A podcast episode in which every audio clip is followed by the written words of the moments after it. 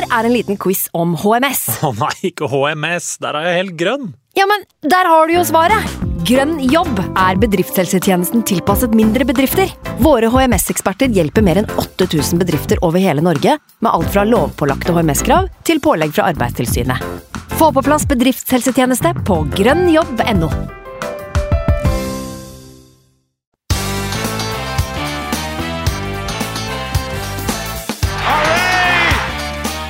It's Bergkamp. It's up for grabs now! The next station is Arsenal. Hjertelig velkommen skal det være til en splitter ny episode av Arsenal Station med Sivert Skarstein Eriksen, Magnus Johansen og meg, Simen Goffeng. For anledningen uten poddens uh, unge drivstoff. Uh, ja, ett poeng på Anfield, uh, det er jo sjelden noe å være skuffa over. men her sitter vi likevel da, Magnus. om ikke nedbrutt, eller kanskje vi er det. Men iallfall med et stort behov for en terapiprat. det føles jo på mange måter som to poeng tapt, selv om tallene ikke lyver og vi strengt tatt skal prise oss lykkelig for uavgjort. Hvordan føler du deg nå, min gode mann, et par timer etter kampslutt? Voldsomt antiklimaks. Eh, som deg så har jeg fått lov til å tilbringe noen dager på et solfylt eh, påskefjell. og Litt sånn som det er når man spiller få kamper, eh, bare en gang i uka, så gleder man seg. Det veldig, mm. blir veldig lang tid å bygge opp til en match.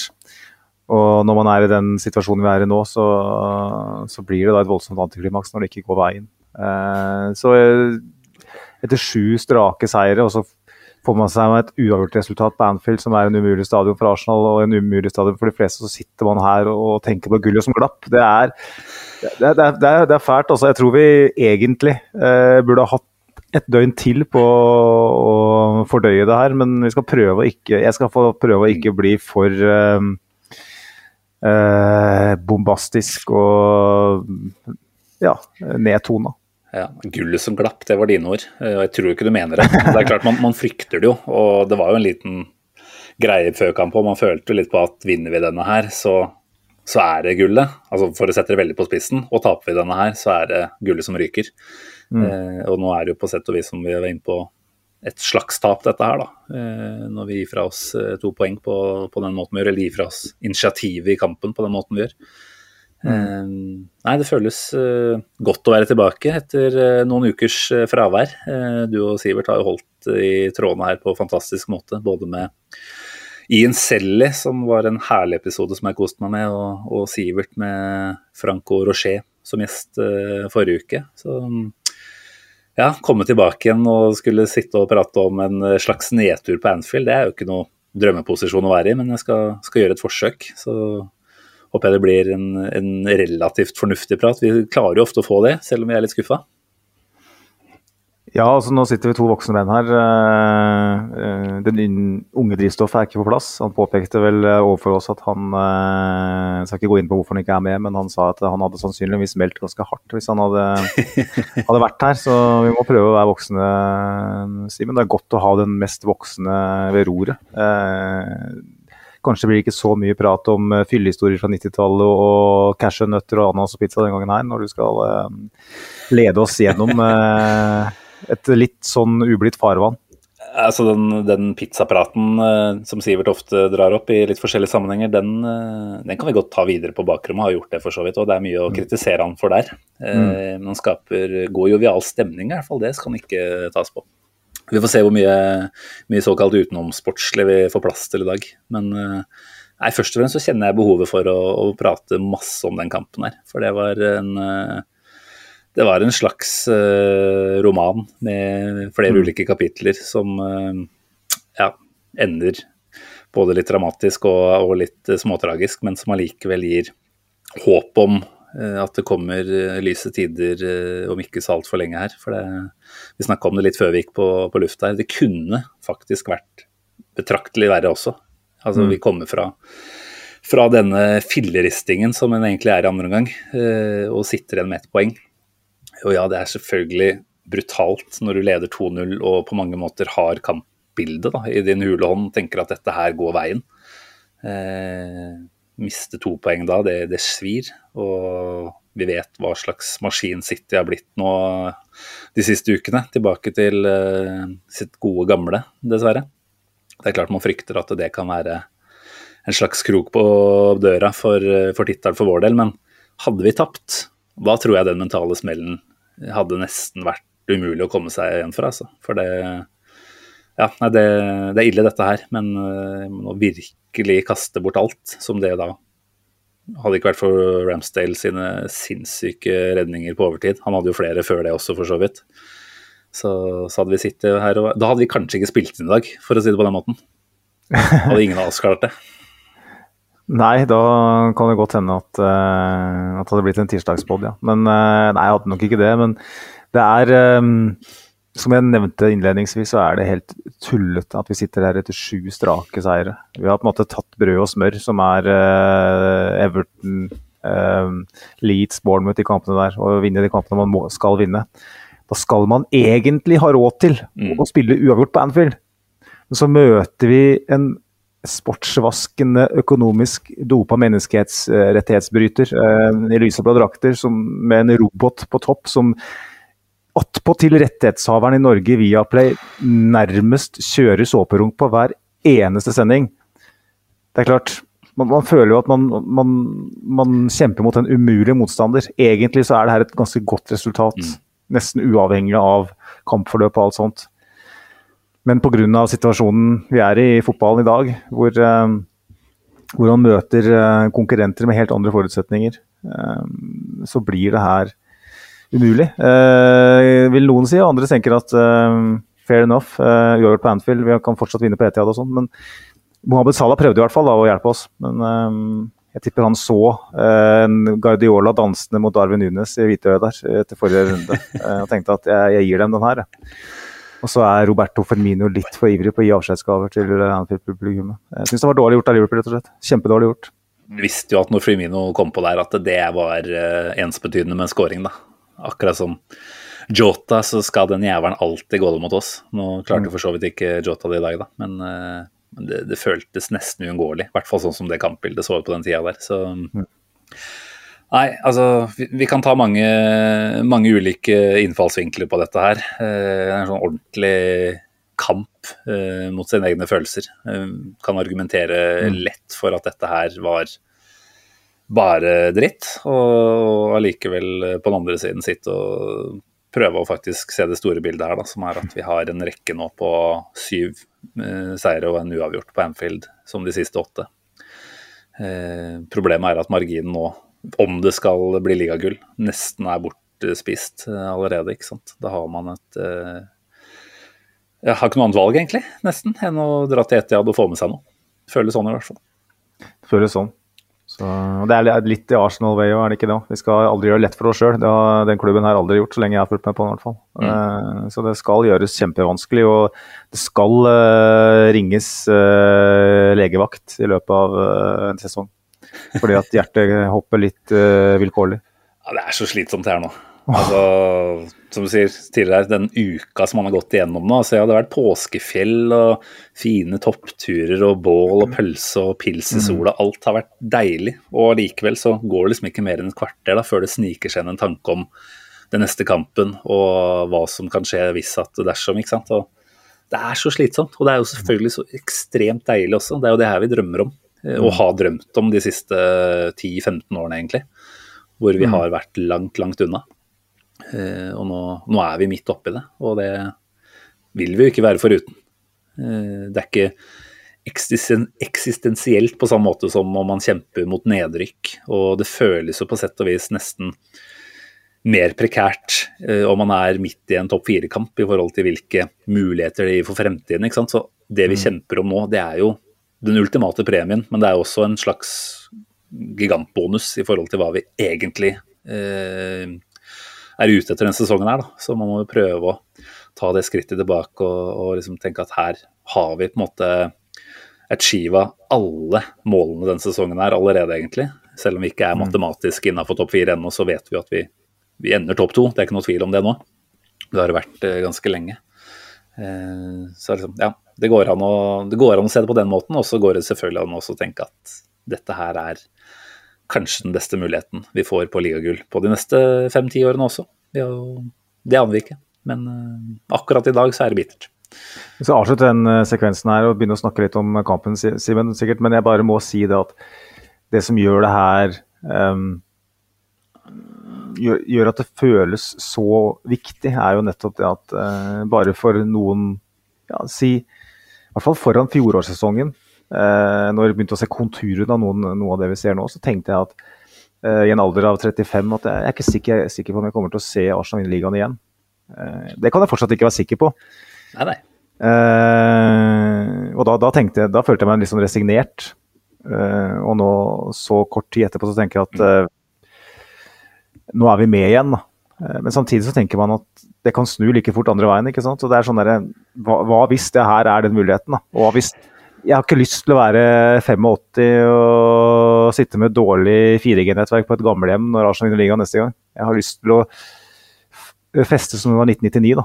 Ja, så du har allerede bestilt flybilletter til eh, siste helga i mai, du. Så Ja veit jo hva du tenker på. Eh, Så hvis det, det blir et Apropos antiklimaks, så blir det kanskje største noensinne da, hvis man reiser dit og, og gullet allerede er eh, lyseblått. Fy faen. Jeg syns ikke vi, vi skal ta den der framtidsprofetien her og nå. og Vi har snakka litt om det tidligere. og jeg tenker jo Når du ser det solide fundamentet Arsenal nå har blitt, da, så, så er det veldig lett å se for seg at vi kommer til å være med og kjempe om de gjeveste premiene også. Altså Dette er spillere som går inn i primen sin nesten over hele linja nå, med et par unntak. Eh, får vi inn gode erstattere, eh, så kommer vi til å være med og kjempe. Og så er det aldri noen garanti for i en så marginal idrett som Premier League tydeligvis har blitt, da, eh, for å faktisk stikke av med tittelen. Så veit man aldri hva, hva det ender med. Men at vi kommer til å være med og kjempe, i hvert fall. Det, Det, det føler jeg meg sikker på. Og det, det er jo en slags trøst i seg selv. Å huske på at eh, det å bare være med og, og drømme hele veien, det, det er faktisk det aller viktigste. Og så om det kulminerer i det absolutt største til slutt, så ja, nei, Jeg vet ikke hvordan jeg kommer til å, å reagere på det engang.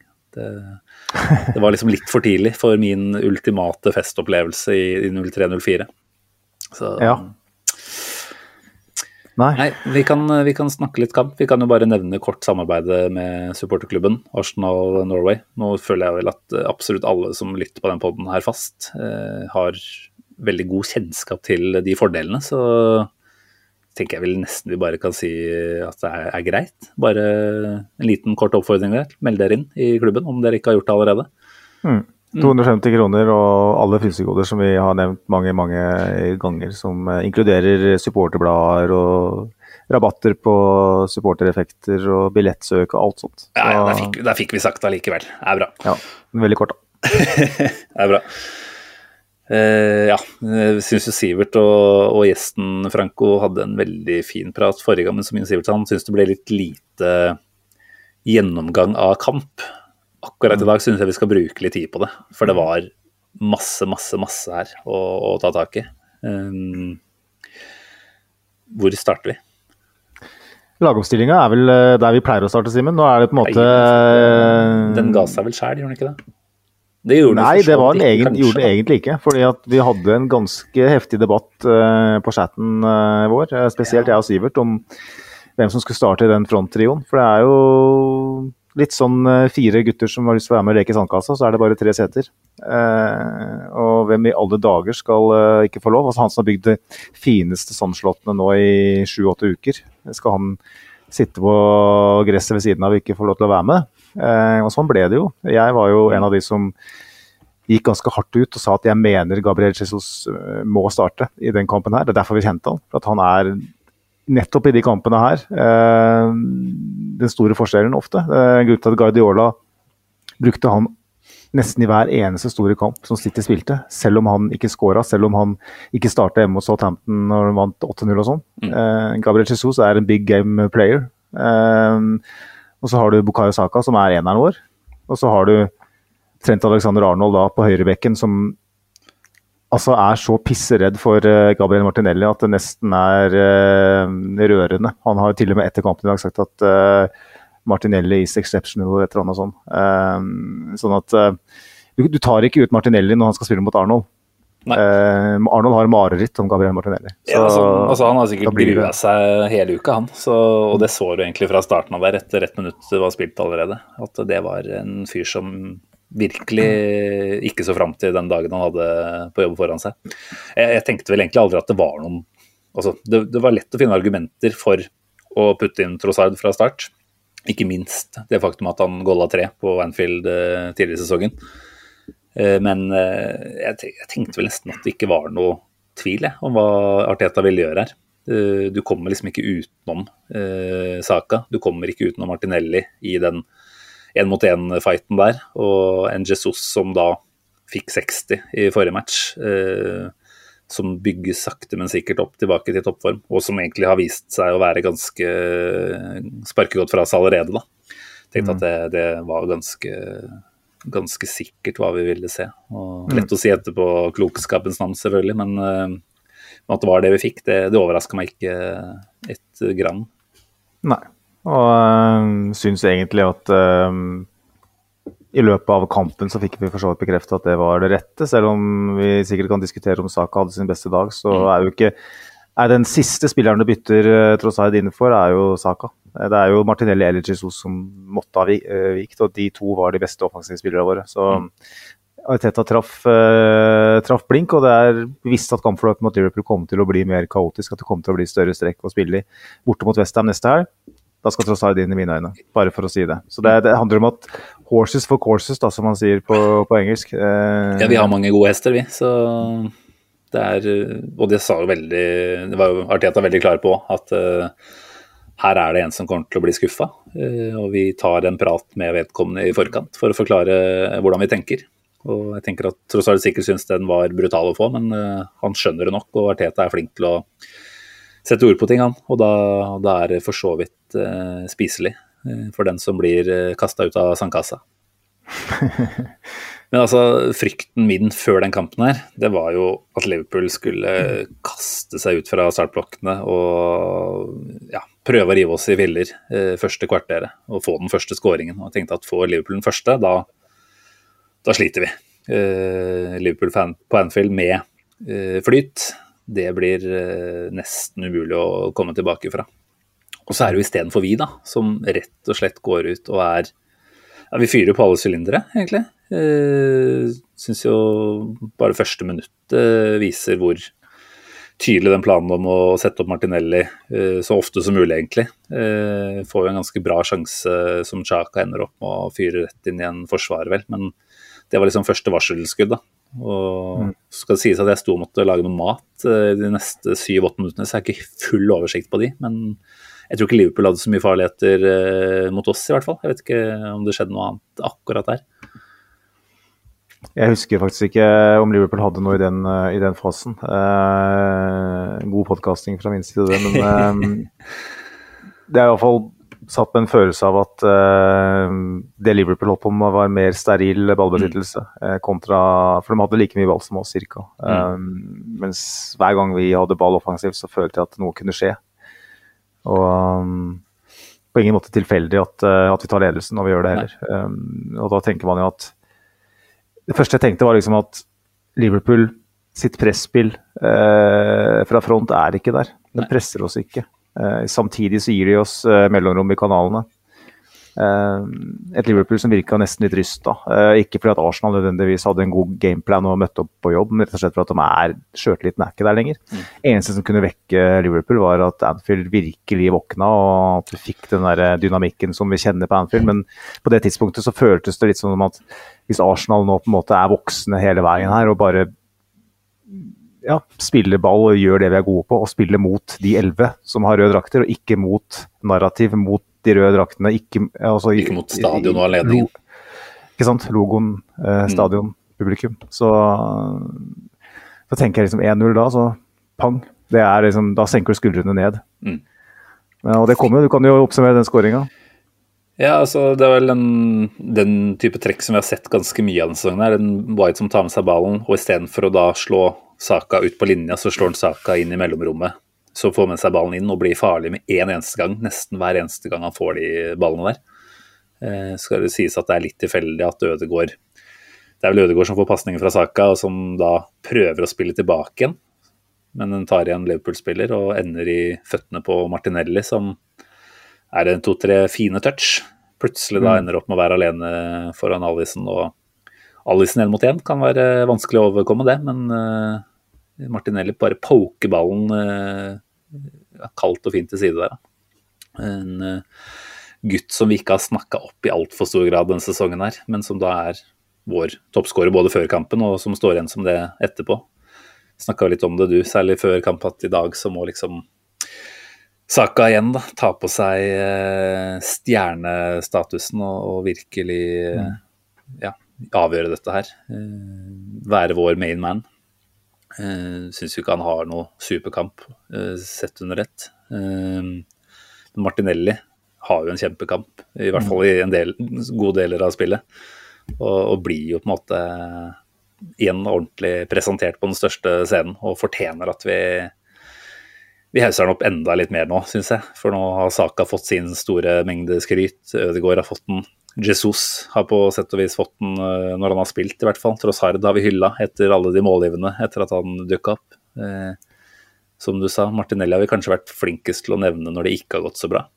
Mm. Allikevel så sitter han her nå med 14 ligaskåringer og noen, noen assister, og er jo vår beste offensive spiller i dag, da. Så mm han er, han er fantastisk.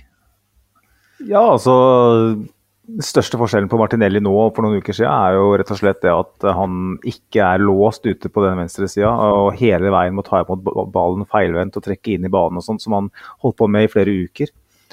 Eh, og Mye av forklaringen ligger jo i at vi hadde en spiss som mm. eh, var mer spiss enn en falsk nier, sånn som Trossard og Jesus til, til dels er. da. Uh, Nketia, jeg har hatt mange rosende omtaler om han, men det er jo åpenbart at han og Martinelli ikke funka veldig godt sammen. Og ja, han hadde nok eh, kunne spilt bedre uh, i de kampene, uh, men han blir jo direkte frigjort av å spille med en annen spisstype. hvor er det han dukker opp, da? Nei, det er ikke ute på venstrekanten og skjærer inn og køller den i, i lengste, sånn som Robert Perez ville gjort. Det er han kommer rett og slett inn i høyrekanalen. Han er umulig å plukke opp, eh, for han er overalt. Eh, han eh, viser jo òg, sånn som på assisten til 2-0-skåringa, at han kan gjøre det fra venstresida. Han kan gjøre det der òg, han kan gjøre det sentralt. Han kan skåre ja, han kan komme inn fra høyre til og med. Han har vist det også de siste ukene. Sånn at det, det er jo på en måte hemmeligheten da, for å unlocke Gabriel Martinelli. Det er bare la han være Gabriel Martinelli. Og være litt overalt. Uh, og rett, rive og slite i motstanderen på den måten han kan gjøre. Um, og den skåringa er et kjempegodt uh, eksempel på det. Um, jeg sa jo faktisk i første omgang til samboeren min som jeg så kampen med, at uh, på 1-0 vel å merke, at nå må vi begynne å sette opp Martinelli oftere mot Arnold. Nå har han vært litt overalt, nå må, nå må, vi begynne å sette den opp, virkelig sette den opp mot Arnold. Men så var jo Liverpool dyktig med å kjøre Konate ut der og droppe ned eh, flest mulig midtbanespillere når vi angrep, sånn at Konate nesten var en slags høyreback til tider. Mm. Eh, og det, det syns jeg de til dels lyktes med, men eh, dæven, altså. Når han da følger opp den skåringa med den, eh, den assisten eh, fra venstresida, og på en måte gjør det vi forventa han, han, skulle gjøre den kampen her, så, så kommer han unna med det. Eh, selv om han hadde jeg vil si en, nesten en tabbe når han ikke spiller saka gjennom eh, på overtid der. Eh, ja, helt, helt, på slutten der, ja. ja så utover det, og det er nok det mange kommer til å huske, men eh, jeg syns ja. Martinelli var vår desidert beste offensive spiller i dag, totalt sett. Jeg Har vel sett noen antydninger allerede på, på Twitter til at noen er nesten ute etter å ta Martinelli litt for, for det du nevner der på slutten, men jeg tenker jo at det er det andre han har gjort i den kampen her vi skal prøve å huske mest på. For det Altså ja, det var en litt dårlig vurdering, men den kommer også etter 96 sinnssykt intense minutter. Så selvfølgelig hadde jo Trossard vært i den situasjonen her, så tipper jeg Saka hadde endt opp med å få ballen akkurat der han skulle ha den. Men uh, slik ble det ikke. Men vi må snakke litt mer om førsteomgangen, for jeg syns det vi gjør egentlig helt fram til, til den 2-0-skåringen er uh, Altså to, vår 2-0-skåring er kjempebra. Det er vel fort gjort, altså tatt uh, anledningen i betraktning. Uh, kanskje noe av det Det er noe av det beste vi har gjort denne sesongen her. Uh, måten vi kommer ut og egentlig bare ødelegger Liverpool. Altså, vi har ikke fantastisk kontroll på ball, men vi kontrollerer kampen allikevel. Det er vel ett lite unntak før vi får 2-0, og det er vel Jeg husker ikke akkurat hvem det var, men Liverpool har i hvert fall én farlighet, mm. sånn etter 20 eller noe sånt. Mm. Det var uh, Robertsen, ikke sant? Stemmer. Banka nettopp. Når uh, midtbanen vår bare plutselig var på stranda. Ja, det var, bare... vel også på Love Island-innspilling akkurat her, så det Men, og... men, det som var interessant med det, syns jeg, var at uh, Ramsdale ble liggende litt med noe Det så ut som det var noe rusk i øyet eller et eller annet sånt, nesten. Mm. Det tenker jeg bare var 100% Arteta-instruks fra før kampen. At uh, få, Sørg for å få de bruddene der midtveis i omgangen. Det var omtrent det som skjedde. både fordi man da opplever at Liverpool har et ørlite tak på det, kanskje. ikke sant? Man får veldig var på den opphaussinga og den fyringa som Anfield da er i ferd med å skape. Og så får man drept det litt, da, rett og slett. Mm. Arteta i kjent stil som kaller til seg troppen og, og kjører et par minutter på sida der. Eh, tror det var klar bestilling fra, fra spanjolen på sida. Uh, og da er det jo interessant at det går få minutter etter det, bare, da, før vi tar en 2-0-ledelse. Mm. Nå syns jeg du egentlig har snakka det målet greit gjennom allerede, egentlig. Med serveringa fra Martinelli og Jesus som fikk gå veldig greit opp på egen hånd eh, mellom eh, van Dijk og Konaté.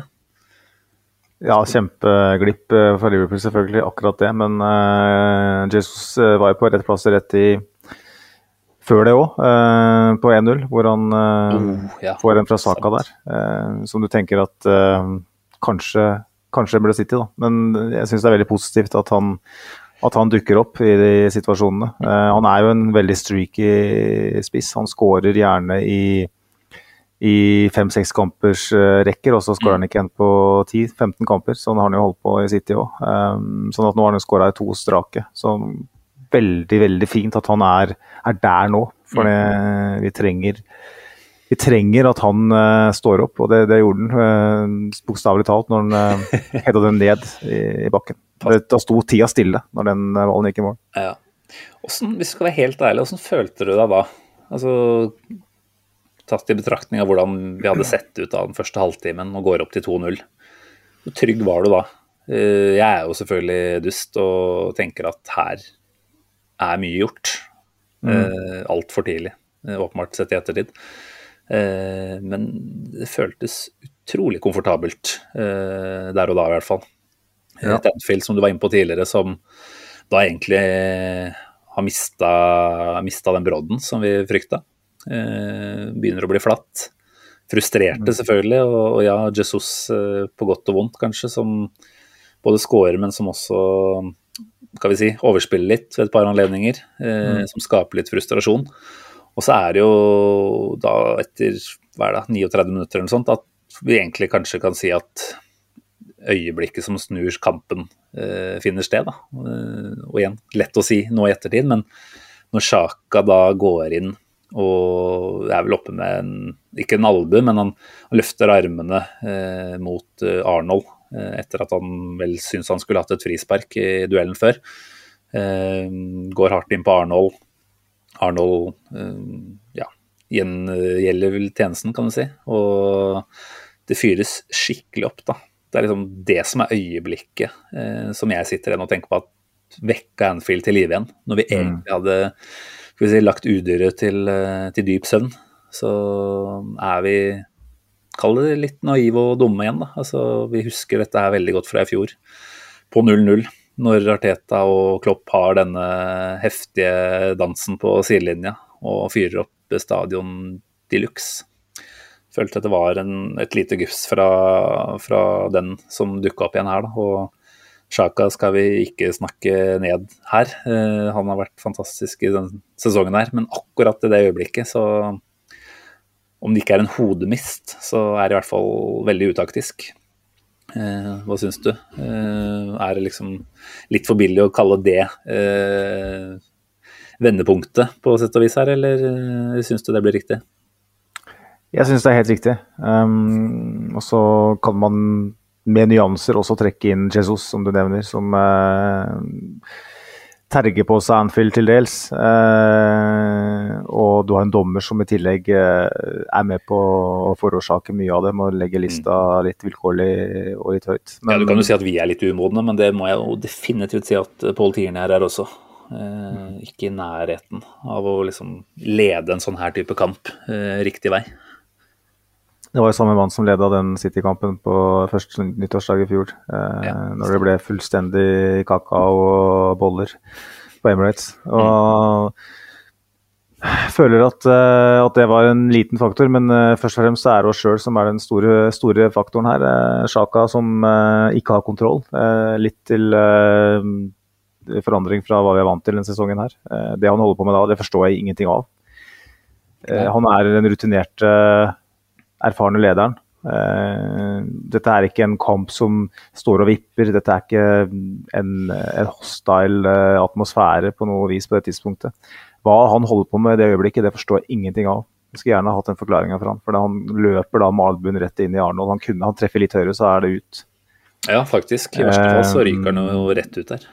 Så totalt eh, idiotisk av Granit uh, Sjaka. Um, hvis han har kun én sånn per sesong, så fair enough. Men uh, vi må kalle en spade for en spade her, og det var fullstendig hodemist fra Granit Sjaka. Og jeg syns ikke vi håndterer eh, kjølvannet av det veldig godt. Uh, syns vi lar oss lede inn i flere sånne situasjoner hvor, eh, hvor publikum får lov til å våkne. Og du ser Liverpool-spillerne altså dem eh, nærmest eh, lar seg fòre av, av de øyeblikkene. Ja, og bruker hvert en, eneste mulighet til å, å, å gestikulere mot publikum.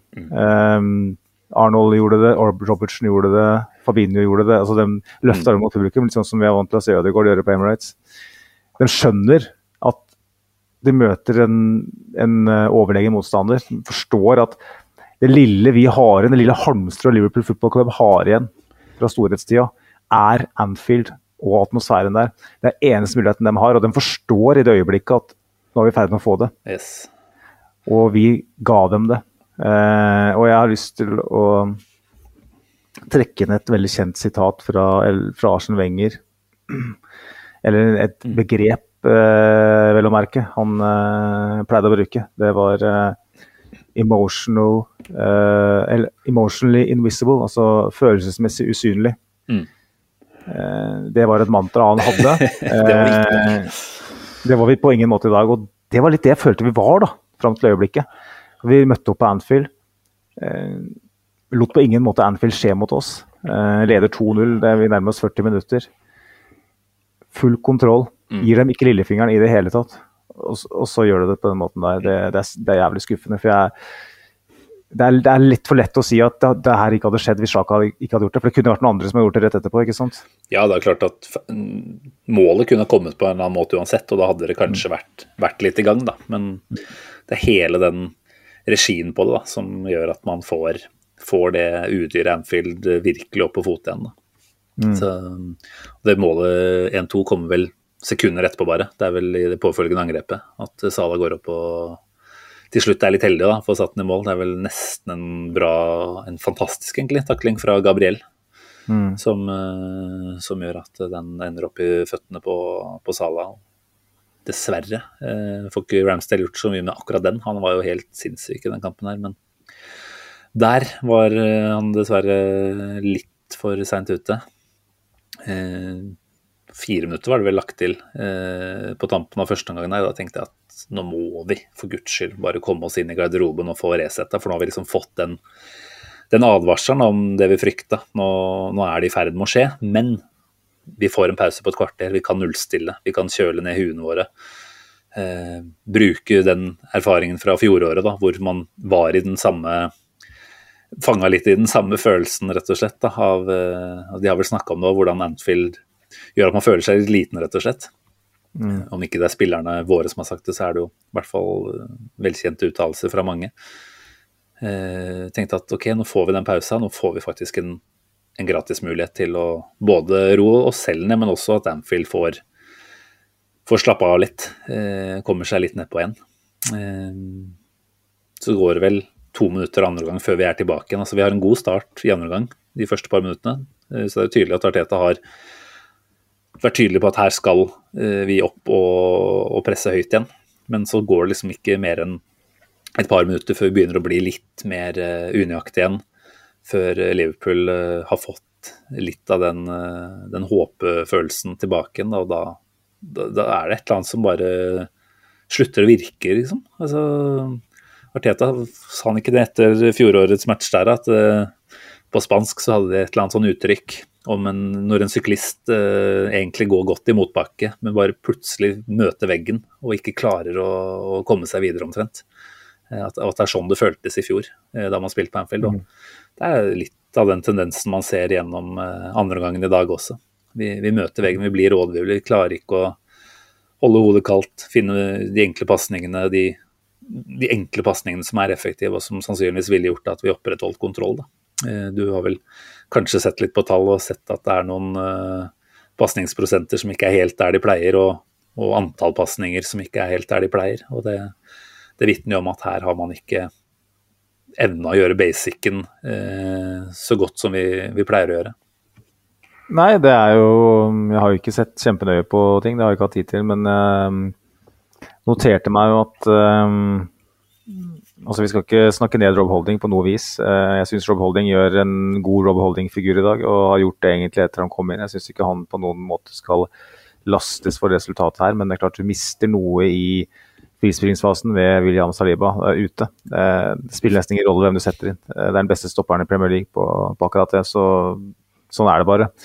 Men hadde jo, nå hadde jo Rob Holding en pasningsprosent på 74, og det syns jeg er litt beskrivende for, for kampen. for det er ikke det at Rob Holding slår ballen i beina på Liverpool-spillere, det er at han, han, spiller den bare ut og vekk og bort, mm. i, i, stedet for å ha den roen og den oversikten da, til å spille den gjennom ledd da, til en, til en medspiller.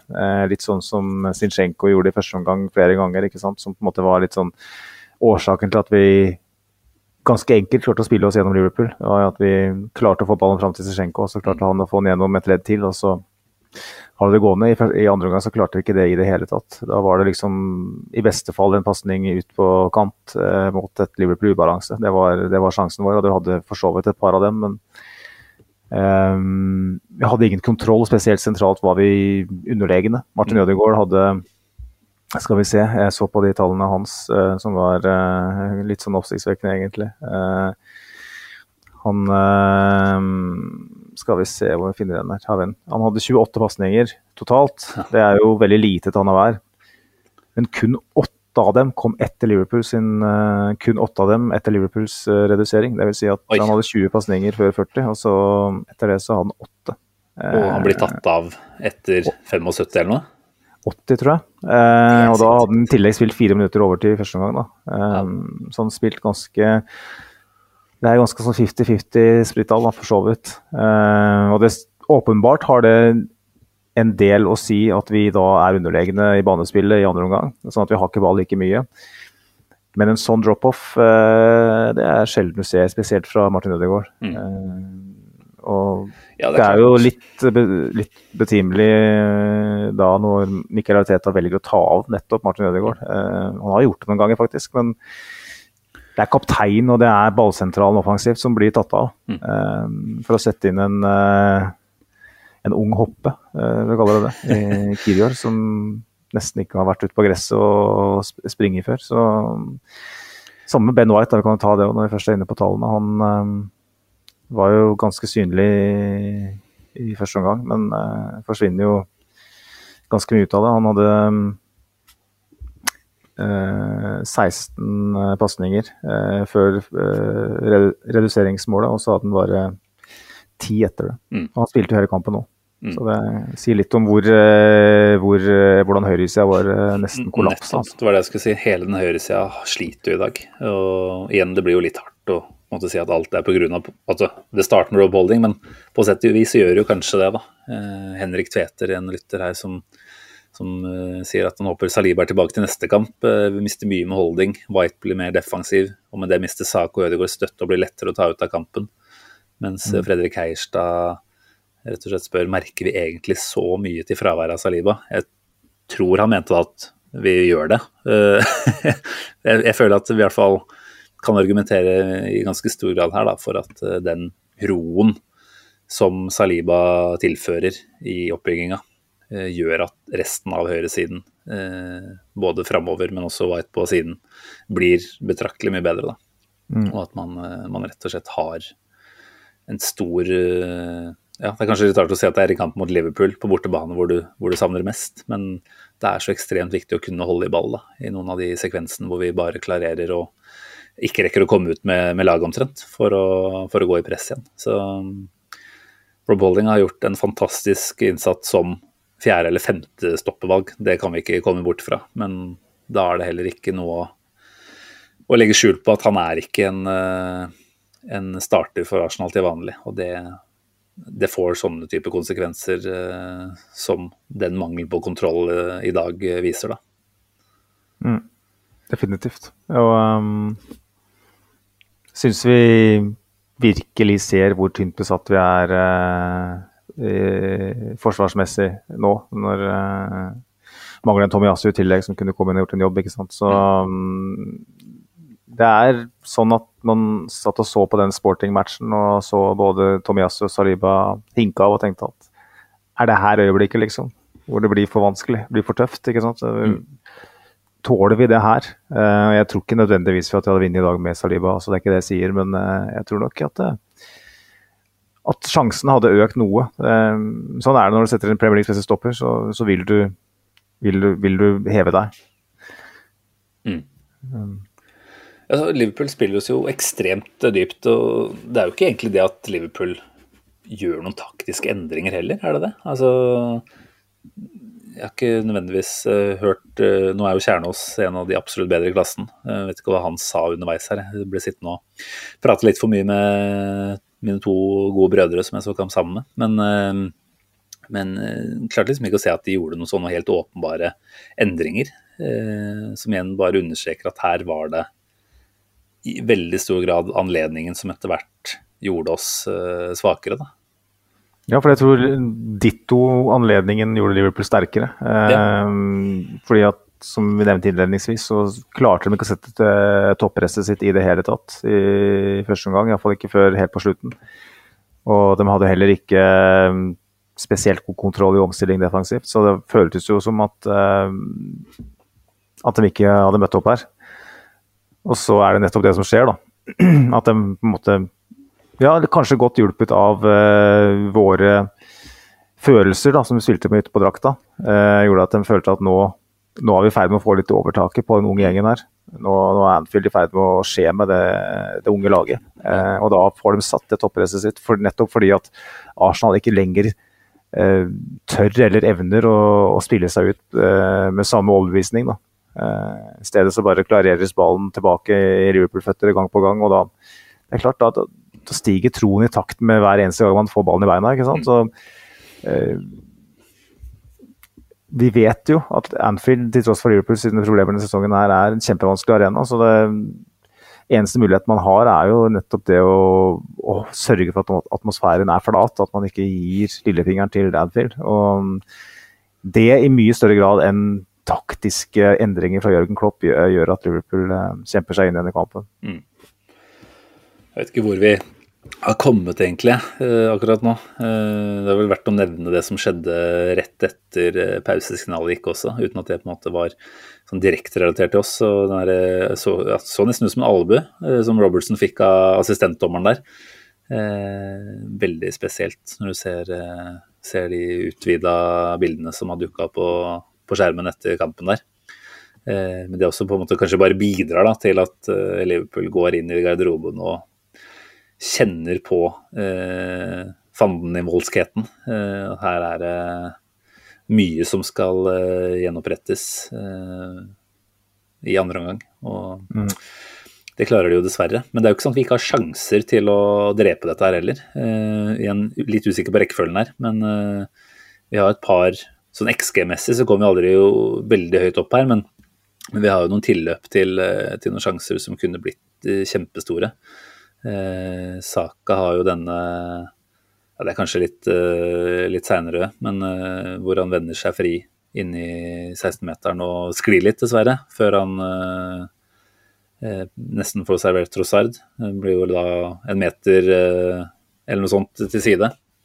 Og så er det vel også Gabriel som eh, har en kjempesjanse på, på corner. Eh, for godt opp helt alene, egentlig. Jeg sjekka XG-en. Sånn på 0,11 eh, var det vel eh, som ble rapportert om der.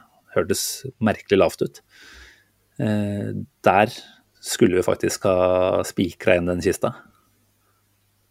Ja, vi skulle det. Og um, det er jo det som er fascinerende med det spillet her. At, at vi på en måte sitter og snakker om hvor utrolig heldige vi var som ikke tapte. Så kunne vi like så godt ha vunnet den matchen her, på en måte. Um, og det er um, små, små marginer altså, som gjør at vi ikke uh, kommer til større sjanser òg. Vi hadde mm. noen overgangsmuligheter som vi ikke helt klarte å ta vare på. og um, ikke minst den der uh, siste, selvfølgelig, da, som vi sikkert skal inn på etter hvert. Den kommer vi dessverre til.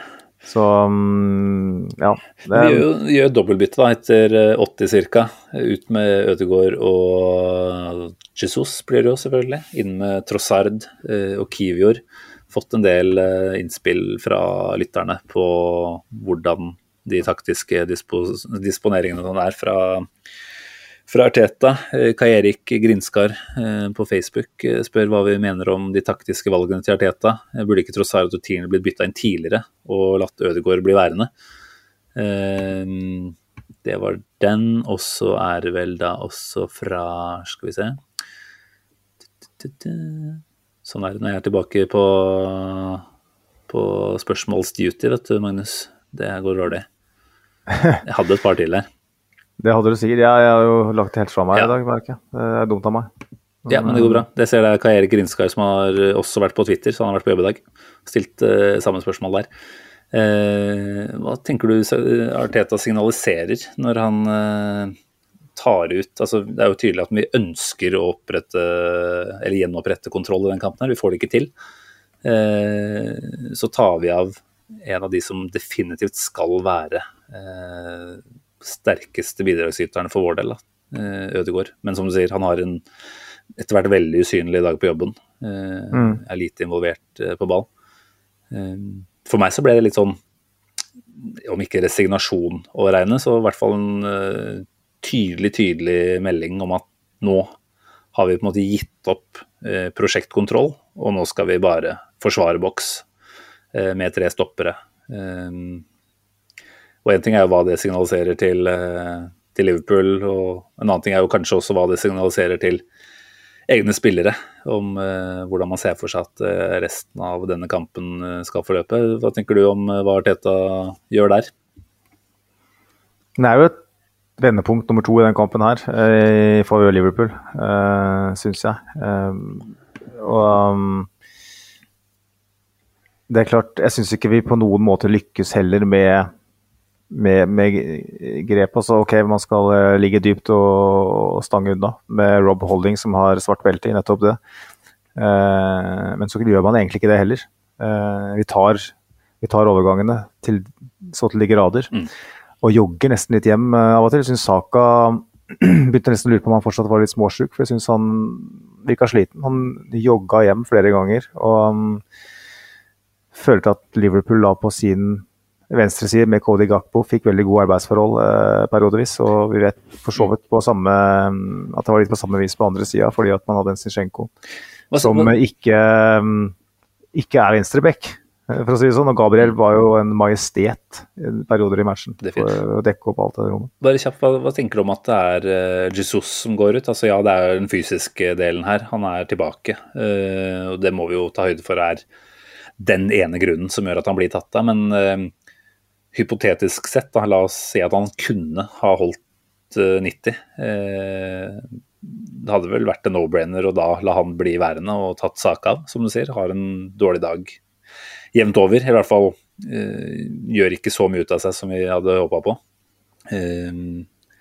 Jesus som oppspillspunkt er undervurdert. ekstremt god til å erobre ball når en kommer eh, med mye luft under. Altså det er i duell med Konaté og van Dijk eh, stort sett gjennom eh, hele kampen her. Og han går knallhardt i kropp og sørger for å få det rommet han trenger for å ta ned ball. Den delen ble jo helt borte etter at han gikk ut. Og da ikke noe, ikke noe nedsnakking av Trossard, men, men, vi bare hadde ikke den outballen på samme måte, da. Er det altså, Så enkelt som at hadde han vært klar for det, så hadde han blitt stående, tror du?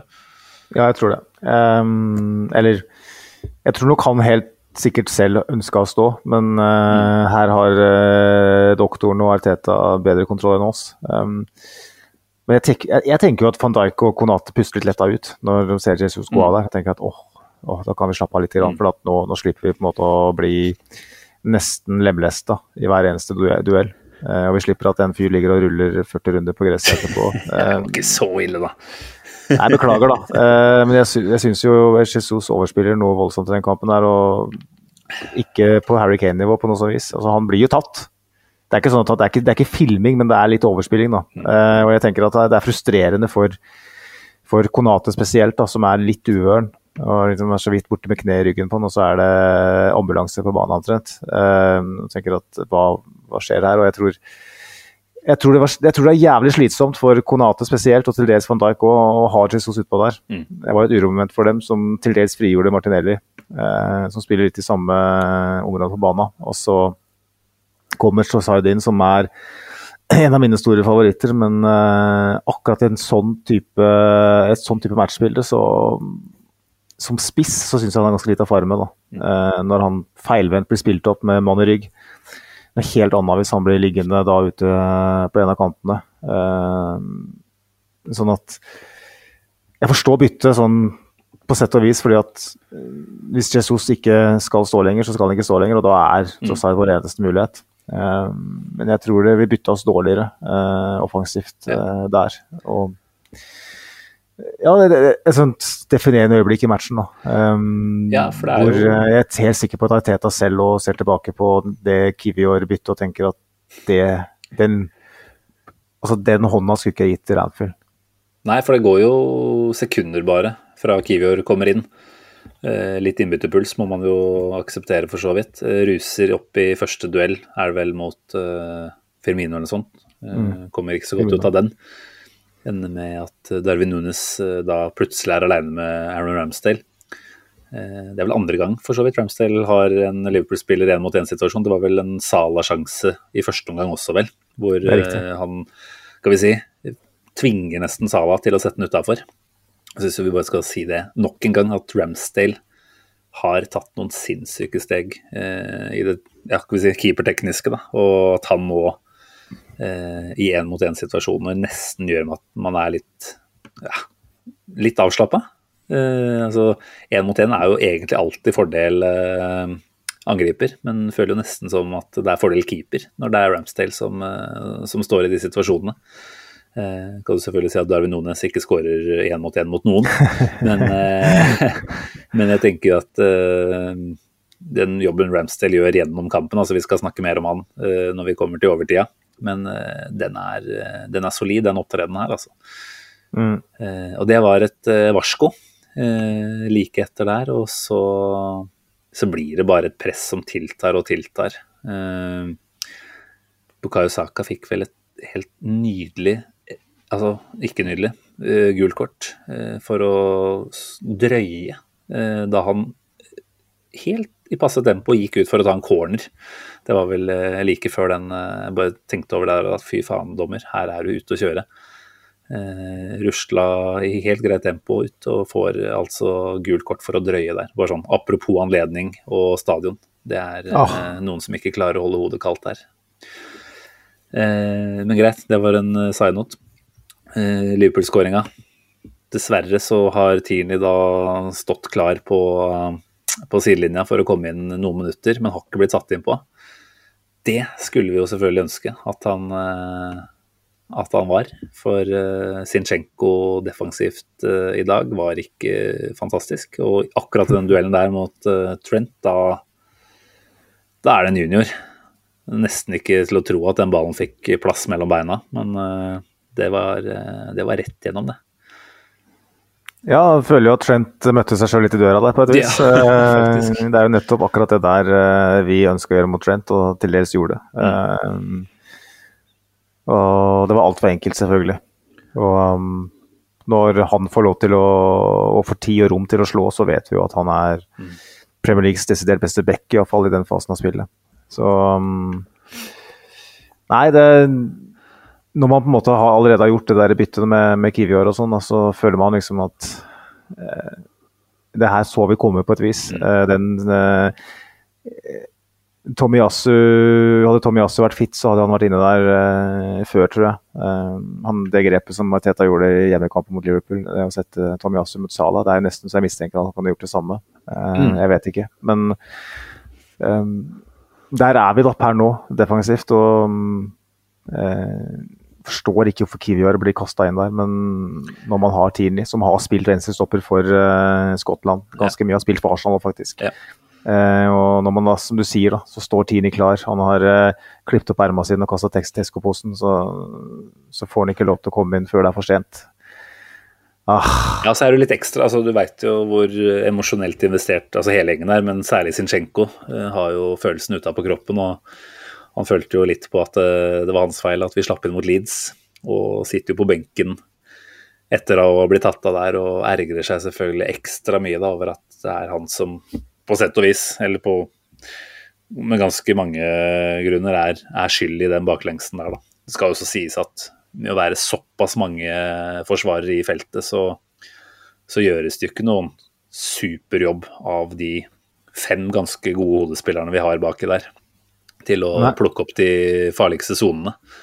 Og at Firmino ender opp med å få gå opp uh, upressa og headen inn, det er jo en liten fallitterklæring til den jobben som gjøres inne i femmeteren også. det er litt panikk baki der, rett og slett. Og jeg forstår ikke hvorfor vi er i panic mode på den måten vi, vi er. og det Bare for å ta til, dra, dra klokka noen uh, tikk tilbake, så, så følte jeg jo egentlig at etter den straffemissen til Salah og de minuttene som fulgte, så begynte Arsenal til dels å ikke gjenvinne kontroll, men i alle fall eh, sørge for at Liverpool ikke sto og dundra ned eh, døra til enhver tid. Eh, jeg følte Thomas Party virkelig begynte å komme seg til sin, eh, sin rett, og lekte nesten med Liverpool i omstilling. Eh, og så følte jeg, at begynte jeg å tenke at nå tar vi det. Nå klarer vi det, for nå har vi på en måte klart å ri av den der verste stormen. Mm. Kanskje kommer det en liten storm til på overtid, who knows. Men jeg følte at nå, nå er Liverpool på en måte litt uh, ferdigspilt. Uh, og så sender Ariteta det signalet som han aldri skulle gjort. Um, sitter han med doktorgrad i etterpåklokskap i en podkast i Løten og sier. Men eh, jeg tror vi er, de fleste som hører på, er enig i det, altså. altså, det føltes feigt underveis, og det ble jo liksom bare forsterka av det byttet. Det vi holdt på med uti der i andre omgang, det var Altså, det er, det er unge gutter, dette her, så la oss uh, gi dem en liten break også. Det er en gjeng som kommer til å ta steg, eh, også på det mentale aspektet eh, i årene som kommer, dette her. Eh, og ja, det er definitivt en kostbar lekse å lære seg dette her, men, men ja, det er sannsynligvis bare det vi må forvente også at vil skje iblant. Og dette er liksom den ultimate testen på mange måter. Da. Et Anfield som virkelig kjenner at det er blod på tann. Det, det har eh, større og mer rutinerte mannskap enn Arsenal booka under for eh, tidligere. Så det er, ikke, det er ikke noe sjokkerende i det hele tatt. Det er vel kun ett eh, lag som har vunnet der den sesongen i Premier League, da. det er Leeds. Ja. Um, av alle. Men uh, jeg så dem bli avkledd mot Real Madrid, og det Benzema uh, Vi har ingen Benzema. Det, aller færreste har en Benzema. Måten de kledde av Fabinho på på midten der og sånn, det var sånn Mm. jeg, jeg tenkte litt dit da, på 2-0. At nå, nå møter Ok, Anfield har vært et, eh, et fort selv denne sesongen her, når Liverpool er langt, langt under pari. Men jeg tenker, hvis Real Madrid kan, så kan faktisk Arsenal òg. Når vi leder 2-0 der, så tenker jeg at det her kan bli stygt, For tenkte jeg da. Ja. Ja, Så det er litt sånn, det er jævlig bittert å tenke på. Mm. Eh, at vi på en måte sitter da etter match og husker tilbake på en sånn 15-20 minutters periode andre gang hvor vi rett og slett blir rævkjørt. Nei, det var jo etter 40 liksom tanken om at dette er en ny tidsregning, på sett og vis. ikke sant? At dette er et, altså, vi har jo frykta for at det gamle Arsenal skulle dukke opp eh, mange ganger, også denne sesongen. Men så har vi blitt motbevist gang på gang. Eh, dette er et nytt Arsenal som, som tåler de aller, aller fleste anledninger. Eh, så får man jo dessverre da en liten knekk da, for akkurat det narrativet der som man ønska at skulle skrives. Så blir det heller litt tilbake til de fæle gamle dagene, eh, hvor Anfield-spøkelset bare fortsetter å hjemsøke oss. Eh, vi er betraktelig nærmere enn vi har vært på noen sesonger. Det er noe å ta med seg. Men, mm. men totalopplevelsen med måte, de forutsetningene vi hadde underveis i den kampen her, gjør at eh, det allikevel føles ut som en ganske, en ganske brutal eh, lekse, dette her. Det er to poeng tapt, det. Det er ingen tvil om det. Og, um, vi har satt oss selv inn i den eh, posisjonen her ved å ha en helt eksepsjonelt god sesong, og da må vi òg tørre eh, å eie det i et sånt øyeblikk. Mm. Og si at det her det er eh, en kjempeskrell, faktisk. Når, eh, når man leder 2-0 og har så god, god kontroll som vi tilsynelatende hadde. Uh, jævlig skuffende, altså. Ja. Og som sagt, det kunne vært verre. Det som skjer på overtid, er vel 94. og 95. minutt, hvor Sala først kommer fri litt ute til høyre i straffefeltet, får fyrt av Govia Gabriel. Eh, Er på vei helt opp i hjørnet, ser det ut til. Og der ligger eh, Ramsdale og flakser. Oh. Det er eh, sannsynligvis årets redning så langt, uten at jeg kan huske å ha sett alle. Eh, årets Ramsdale-redning tror jeg i hvert fall vi kan si at det er. Får en styring der òg, som du sier. ikke ja, sant? hadde jo den mot Bournemouth som var en litt annen type. Det var for så vidt noe som minna mer om den neste til men akkurat den, eh, den flaksende keeperen som ligger i, i loddrett Nei, i vannrett eh, der, det, det er liksom det vakreste man ser, nesten, eh, fra en keeper. Hadde det enda vært på 2-1, Simen. Ja. Så, ikke sant? Det er sånn derre Jo da, det kan du si. Ja, nei, det, det er en helt syk redning. Eh, så var han vel involvert, da, som du sier, i en situasjon til, eh, hvor vi var Helt sjukt, egentlig, at han kommer seg ned der eller tilbake. Altså, selvfølgelig, Det er vel Conanté som ender opp med å få siste Liverpool-touch der, og bør vel bruke fot istedenfor bryst. Eh, men den ballen er jo på vei over linja. Så er det noe, noe sånn Matrix-aktig da, eh, som Ramster finner på der igjen. Hvor bare tida står helt stille, men han beveger seg i 100 og sørger for at den ballen blir avverga likevel. Helt, helt sinnssykt. Um, og ja, det hadde vært bedre om det var matchvinnerredning, men det redda tross alt ett poeng, og det redda en totalt nedbrutt gjeng. Det er jeg ganske sikker på, som jeg har sagt tidligere her i podden, at eh, hadde den, en av de to gått inn, da hadde ikke bare vi vært nedbrutt, men da hadde også den gjengen her begynt å tenke at dette her er vi ikke helt klare for ennå. Så Nei, det, det, det var viktig. eh, kjempeviktig. Og det kunne vært opplegget til en 3-2-skåring for vår del istedenfor. Det minner, meg, det minner meg litt om den der eh, berømte eh, opprykkskampen mellom Leicester og Ja, når eh, Er det Leicester som brenner straffa, er det ikke det? Jo, han Så er Så løper Troy Dini opp. Stemmer. Fæl fyr. Knockert var det. Stemmer det.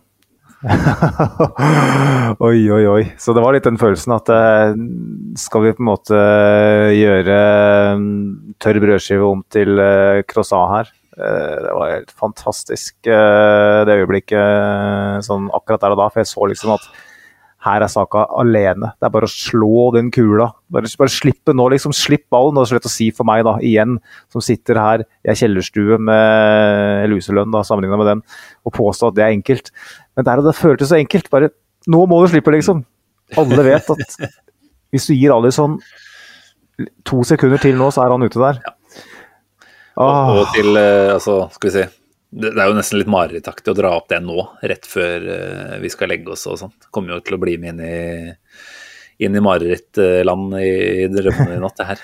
Men, eh, men den én mot én mot Ramsdale sier vi er uh, fordel Ramsdale, og det er det jo da ofte, ofte for uh, Alison også. Så hadde Saka fått den ballen, så er det jo godt mulig at den kunne blitt avverga likevel. Eh, men eh, hva hvis, og det er lett å tenke eh, syke ting her. Vi har jo noen øyeblikk denne sesongen her som gjør at vi tenker at uh, en overtidsskåring det er ganske sannsynlig. Ja. Vi har allerede tre overtidsskåringer, og det er jo Hvor mange sånne kan snitt- du egentlig få? I snitt så er vel det to mer enn uh, Ja. snittet. Altså, Som regel så får et lag én overtidsskåring per sesong, ikke sant. Um, og i tillegg så har vi den mot Fulham, som vi skåra 89 på hjemmebane. Så vi har jo det er vel på tide at, vi- at vi opplever òg at det ikke alltid ordner seg. Mm. Men uh, det hadde vært ekstra kjærkomment på Anfield, selvfølgelig. Definitivt. Nei, jeg syns jo altså, Vi har ikke vært veldig til å svartmale her. Altså, vi prøver å holde motet oppe, men jeg syns også en del av lytterne er flinke til å, å ta dette her eh, poenget og, og prøve å fokusere på det positive. Kristoffer på Twitter, ingen ID. Eh, to poeng tapt, ja, men jeg tror vi også har lært masse vi kan ta med oss til Etiad. Vi viser med første halvtime at vi er milevis bedre enn Liverpool fotballmessig. Det mentale vil alltid skrangle litt med et så ungt lag, spesielt på Anfield. Fornøyd, jeg. Det er fint, det liker vi. Uh, Hedley BN på Twitter skriver etter den andre gangen er dette ett poeng vunnet. Liverpool var helt enorm mot slutten, kan ikke ta fra dem det. Fortsatt i egne hender, dette. Er det ikke litt greit å høre at det er en positiv vibe der ute? Og det her er jo skrevet for kanskje en time eller to siden. Ja, det er desto mer imponerende. da, da, for to timer siden så da var jeg på en mørk plass. Da, og det er jo litt, stygt, litt stygt å si når man, eh, når man er så uventa med et, et eh, tittelrace, men det er liksom veldig forfriskende å høre at folk klarer å holde um, hodet kaldt og, og se på det store bildet. Um, jeg syns jo at um, i kanskje i motsetning til, de gutta her, at det, den, den skrellen her er litt, litt større enn det vi håper på. Jeg, jeg, jeg er veldig fornøyd med situasjonen vi er i, men eh, jeg føler jo liksom at eh, når vi leder 2-0, eh, og, City er der de er per nå, så er nesten det man må gjøre da, for å konkurrere med en sånn overmakt. Da må man klare å, å, å, å stå, stå løpet ut. Men det er, det er lett å si for meg, selvfølgelig. Eh, Jeg bare, jeg bare jeg har sagt det så mange ganger da, at vår største sjanse er på en måte, utover det faktum at vi er så gode som vi er, er at, at City ikke er City. Mm. Den sesongen her, og vi snakka om det så utrolig mange ganger i den podkasten her, at er City kanskje en litt annen utgave denne sesongen her? Sliter de litt med å tilpasse seg Haaland? ikke sant? Er det, er det litt grums innad i klubben? Er Cancelo til Bayern et tegn på at eh, Ja, ting ikke er som det skal? Foden som ikke fikk spille? Da fikk de kanskje ut en del av det grumset de trengte, da. Ja, Dessverre. men Foden er tilbake. Nå har jo han hatt um, eh, blindtarmsoperasjon, da, men Mm. eh, vil jo være tilbake kjapt. Men han var jo ute i kulda, han er tilbake. Kyle Walker, som eh, driver og flasher pikken på dansegulvet, han er tilbake i, i varmen. Og, og så har du Kevin De Bruyne òg, som hadde en litt seig periode. Han selv, har selvfølgelig Pep Guardiola klart å, å få på eh, skinnene igjen. Og da, da snakker vi eh, full strength Manchester City, altså nesten uten skader. Som kan plukke, velge og vrake verdensklassespillere. Uh, uten Foden og Haaland mot, uh, mot Liverpool, null stress. Da våkner Grealish og Marius opp. ikke sant? Hvordan i helvete skal vi konkurrere mot det her? Da, det er derfor jeg er litt nedbrutt nå. fordi at en, Vi må nesten være perfekte skal vi klare det her. Nå er vi kommet dit at uh, hvis du ser på kampprogrammet, så så har City en ganske mye enklere running enn oss i Premier League. De har Champions League i tillegg, selvfølgelig, men kampene deres i Premier League er ganske enkle. Nå kommer de til altså Det er vel en midtukekamp nå da, mot eh, Bayern, og så er det jo en så enkel hjemmekamp som du kan få hjemme mot Leicester.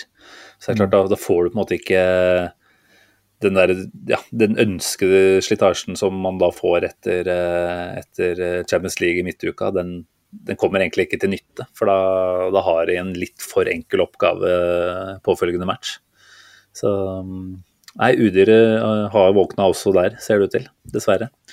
Eh, Vi skal være perfekte, vi, altså, om vi, om vi skal dra inn dette her nå. Eh, Og jeg liker at eh, lytterne er positive til det. Eh, Det som gjør at det blir litt sånn ekstra huggent, er liksom du vet hvor vi skal. Da. Altså, nå har vi vært litt ute å kjøre bort mot Leeds i det som var en etter hvert ganske kaotisk og intens og litt sånn fiendtlig atmosfære. Eh, Anfield har vi snakka nok om.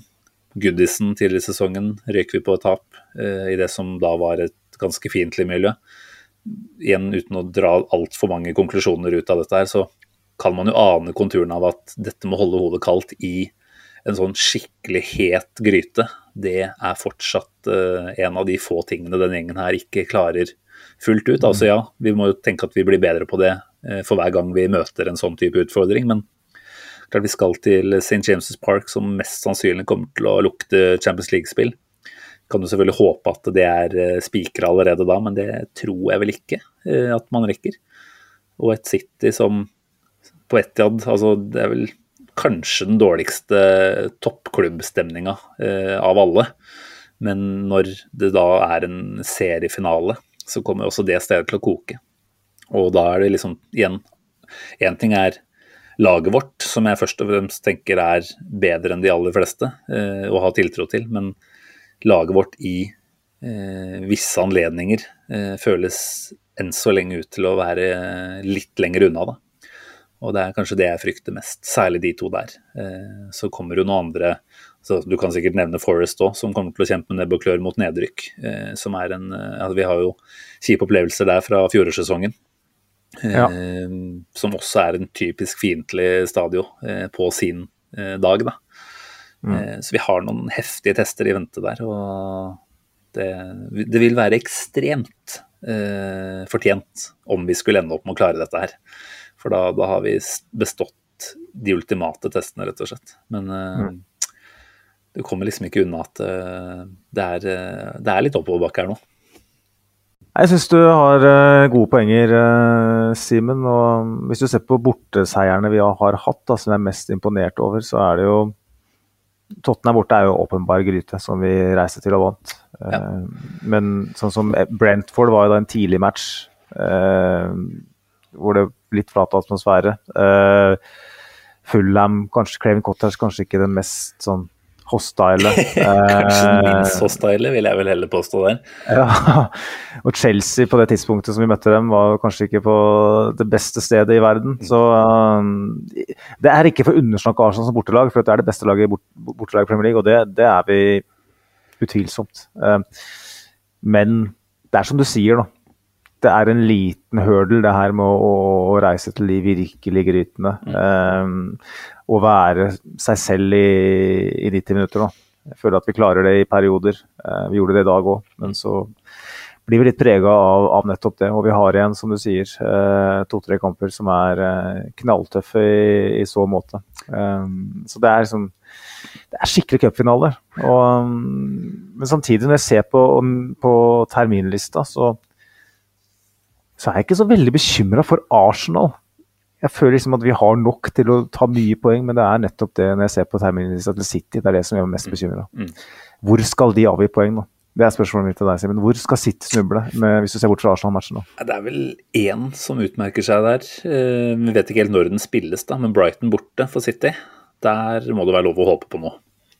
Eh, så er det jo noe med å håpe at den da blir eh, beramma på et tidspunkt hvor Brighton fortsatt har mye å spille for. Eh, klart Nå tapte jo de nå i helga mot det drittlaget. Eh, og da nærmer jo den CL-drømmen seg borte, vel. Eh, uten at jeg har helt oversikt på tabellen der. Så jeg vet ikke når den ligger an til å bli spilt. Det, det er vel noe Sivert eh, har noe know-how på, tenker jeg. Eh, jeg kjenner jo alt som er av eh, Sky Sports-folk borti der, han. Sykt at han er med oss og podder når han uh, kjenner uh, kjernen i Sky Sports. ikke sant? Nei, altså Det må være håpet. Uh, husker jeg ikke resten av den rekka deres, jeg.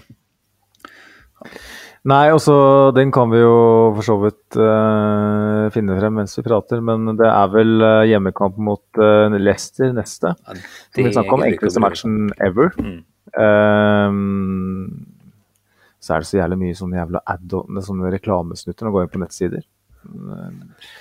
Folk skal ha penger i alle retninger. Det som heter. Mulig at vi kan sjekke der. Det er det driver, skjønner du. Okay. Det, men uh, ja, den terminlista deres, den Jeg hadde, jeg hadde lett bytta, for å si det sånn. Um, ja. Skal vi se, de har da, som jeg nevnte, Leicester hjemme før de skal ut uh, spiller de ikke den uh, De spiller FA-cup selvfølgelig runden etter, så da får de en hengekamp til.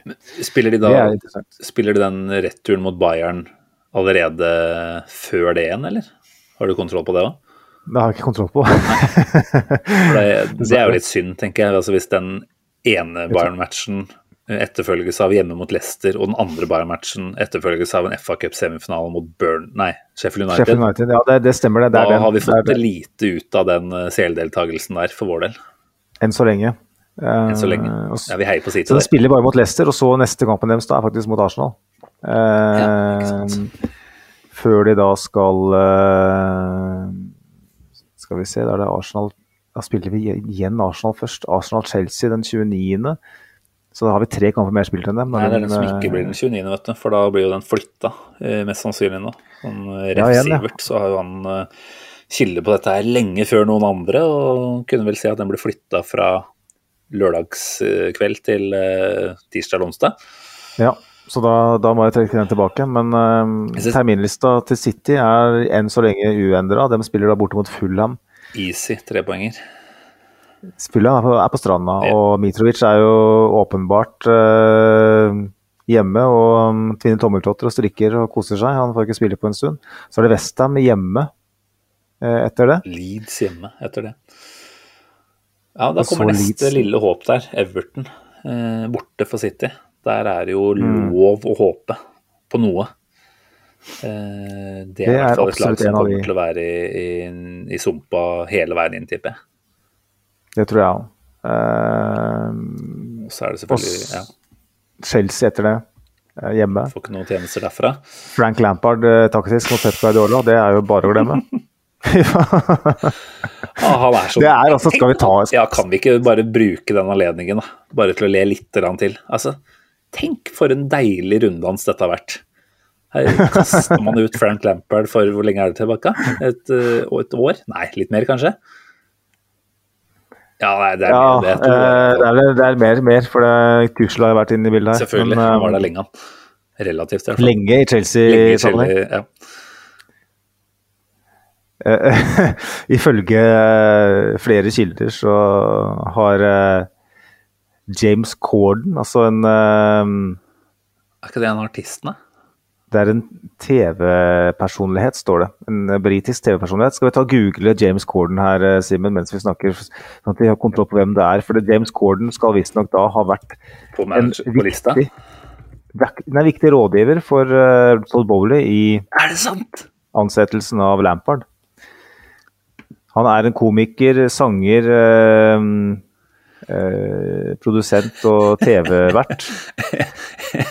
som er født da Han er 44 år gammel. Ja, og jeg ser her hva gjorde James Corden berømt. Eh, Corden eh, var med i den eh, britiske eh, TV-serien Fat Friends as Jame eh, Der spilte han Jamie Rymer. Så Fat Friends James Corden er altså mannen som nå gir Todd Bowley råd. Deilig. Bare, bare, for, bare, for, å, å, å ta det, da. Eh, vennskapet mellom Todd Bowley og James Gordon det er verifisert. Også det fins bilder av de to på tribunen sammen på Stamford Bridge. Wow. Så de er venner.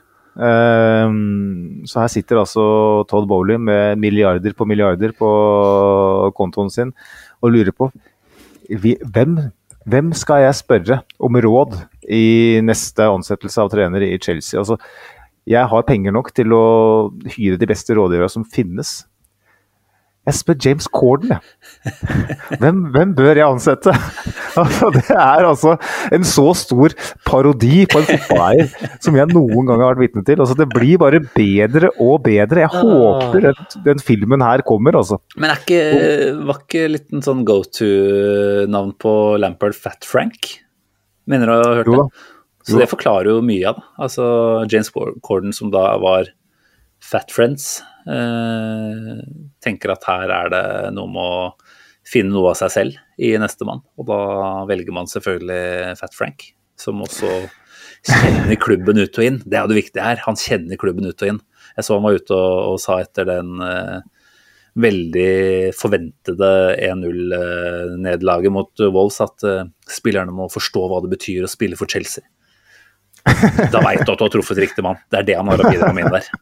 Fortelle dem hvor viktig det er å, å, legge ned innsats for den klubben her. Nei, det er bare å takke og bukke for det, ja, det er, de holder med der borte. Jeg tenker at uansett hvordan det går i gullkampen, så, så er det en god sesong uansett. Å få lov til å observere Todd Bowley bak spakene på Stafford Ridge, det er for meg verdt det alene. Det er, det er altså så gøy at eh, Ja. Um, så jeg tenker også sånn for å se fotballfaget i det, da Eh, hadde Chelsea på en måte vært i en situasjon hvor de bare hadde en eh, ja, Si de hadde kampprogrammet til Manchester City, da. Hatt en eh, Leicester og Westham og Leeds og sånn hjemme. Mm. Hente inn Frank Lampard, som er en sånn smooth talker som kan gå inn i garderoben og bare få Mudrik og Felix og Co. til å bare, liksom, bare møte opp, da. Uh, bare sånn som Frank Lampard helt sikkert opererer. Uh, du får frihet til å være deg sjøl på banen mm. uh, i en tidsalder hvor det å ikke ha taktiske, innovative ideer straffer deg nådeløst. Men ser du på kampprogrammet til Chelsea, så har de igjen både Arsenal og City borte og Har de United da? De har, nei, de er ferdig med United, tror jeg. Men de har igjen Newcastle, tror jeg de har igjen. Det kommer til å bli skikkelig ødelagt, det der. Ja, for det, altså, der møter du Arteta, Guardiola, Eddie Howe. da. De kommer jo til å få så juling. Altså, Chelsea har per nå er det 37 eller 38 poeng. Jeg tror ikke de rykker ned. Og at de kan synke ned til en 14.-15.-plass, det vil ikke overraske meg. altså. Er, altså, tenk å bruke 6-7 milliarder og bli nummer 15 i Premier League. Så det er Ja, igjen. Og så har sikkert Lampard tenkt der at ja, men da tar jeg denne muligheten her. Selvfølgelig gjør ja, det. Altså, de har jo en ja, ja. CL-kvart mot Real Madrid, er det vel, eh, like rundt hjørnet her. Eh, ja, ja. Klart han tenker at her har jeg en slags bonusmulighet, men som du er inne på, han kommer til å få knallhard medfart nå de neste ukene, mest sannsynlig. Og om han hadde et slags rykte igjen, det veit jeg ikke. Eh, det begynte vel å bli ganske dårlig også i tida som Everton-trener. Han ble avslørt gang på gang der også. Men, eh, men, han kan jo nå virkelig sette seg i en situasjon hvor navnet hans er rett og slett uh, sønderknust. Mm. Uh, og det, det syns jeg er helt greit. Så nå, nå, rangerer jeg deg på samme nivå som Todd Bowley eller øh, høyere, øh, Simen. Og det, det, det, sier jeg uten skam. Jeg tror du har Det sier jo dessverre også mye om meg, da. Nei, men jeg, jeg, altså jeg, jeg, kjenner ikke Todd Bowley personlig. Uh, og Han driver jo åpenbart uh, andre sportsklubber, så noe, noe sitter vel mellom øra på fyren. Men allikevel så tør jeg påstå at du er i hvert fall ikke dårligere enn han til å drive fotballklubb. Hvem ville du ha hatt til å på en måte fullføre sesongen? Uh, med visshet om at vi skal bytte til sommeren. Eh, Graham Potter eller Frank Lampard? Ja, det er jo nett Altså, altså det, det, er jo jeg, jeg, klarer det ikke. Altså, Tenk å ansette en som Potter, og så gir du han de forutsetningene man gjør. Altså, man kaster inn nye spillere på omtrent siste dag av overgangsvinduet, og fortsetter jo i januar å gjøre det samme. Ingen evne til å rydde opp. Eh, du gir en sånn, eh, altså ordentlig sånn prosessmanager ingen muligheter til å få igangsatt den prosessen i det hele tatt. Han, eh, det var vel til og med noe, noe snakk om at en del av Chelsea-spillerne måtte um, bruke alternative områder uh, i forbindelse med trening. Fordi det ikke var plass nok på, på hovedgarderoben. Sånn, da har du oppskriften da, på å skape en, en dårlig stemning i spillergruppa. Og så setter du inn en sånn type trener inn i det miljøet der. Altså, jeg tror ingen trenere hadde klart seg spesielt godt med de forutsetningene der. Men, eh, men han er liksom ikke i nærheten av å bli spilt god, da. Eh, vi snakka jo en del om Potter, at det kan bli bra. Og på sikt så tror jeg det kunne blitt bra, for det er en mm. kjempegod trener som med en riktig strømlinjeforma spillerstall kan være veldig mye bedre enn det han har fått muligheten til nå. Eh, nei, det er som sagt det er bare å takke og bukke og og nyte det. Eh, se det dumme ansiktsuttrykket til Lampard bare bli lenger og lenger i maska eh, de neste ukene nå. Og det er synd at han skal til Etiad. Jeg gleder meg til han skal til Emirates, men eh, det er kjipt at han også skal til Etiad og dele ut tre gratispoeng der. Det burde jo vært en sånn TV-produsentene burde jo ha fått pålegg om å hver eneste gang du zoomer inn på Todd Bowley, så må du få en fyr som ikke kan å spille trompet, til å spille trompet. det, er, det, er, failing på et nivå som jeg, jeg nesten aldri har sett. oh, jeg kjente at det her var akkurat det vi trengte nå på, på slutten av den episoden her, faktisk. Altså, jeg begynte å drømme meg tilbake til påskefjell og, og kosen der, men, eh, mm. men å snakke litt uh, Lampard og Chelsea det, og Bowley, det, det er faktisk underverker, det også. Trenger ikke mer uh, gyllen IPA da, jeg. Liten og Nei, jeg, jeg, trodde ikke jeg skulle le i, i, dag. Jeg trodde jeg ikke. Ikke etter den matchen. Da tenkte jeg at nå Jeg, jeg tror nok at, at, episoden nå bærer litt preg av at vi var litt nedbrutt. Uh, første timen, uh, i hvert fall. Uh, så det er nesten bare å beklage for det, da. Men neste, gang så, neste gang vi taper, så innleder vi med bowlingpraten, gjør vi ikke det? Jo. Ja, Ikke taper, da, men spiller uavgjort. Spiller uavgjort. Det har blitt som et tap å regne. Altså, jeg skjønner at du er mer frista enn uh, til å gå og bore nye hull i isen og pilke, er det vel du har gjort litt i påska òg, er det ikke det? Mm. Så, Ja da, både langrenn og isfiske, så det er klart at eh, altså Sånn for hjerte og kar, så, så er det langt bedre. Nei, det er en jobb, dette her. Uh, tenker at vi har gjort en brukbar innsats i kveld, har vi ikke det? Jeg vil påstå det. Jeg lurer på om det er noen Eh, flere spørsmål jeg, som vi skulle dratt innom. Eh, vi kan jo se bitte lite grann fram mot uh, Westham-matchen.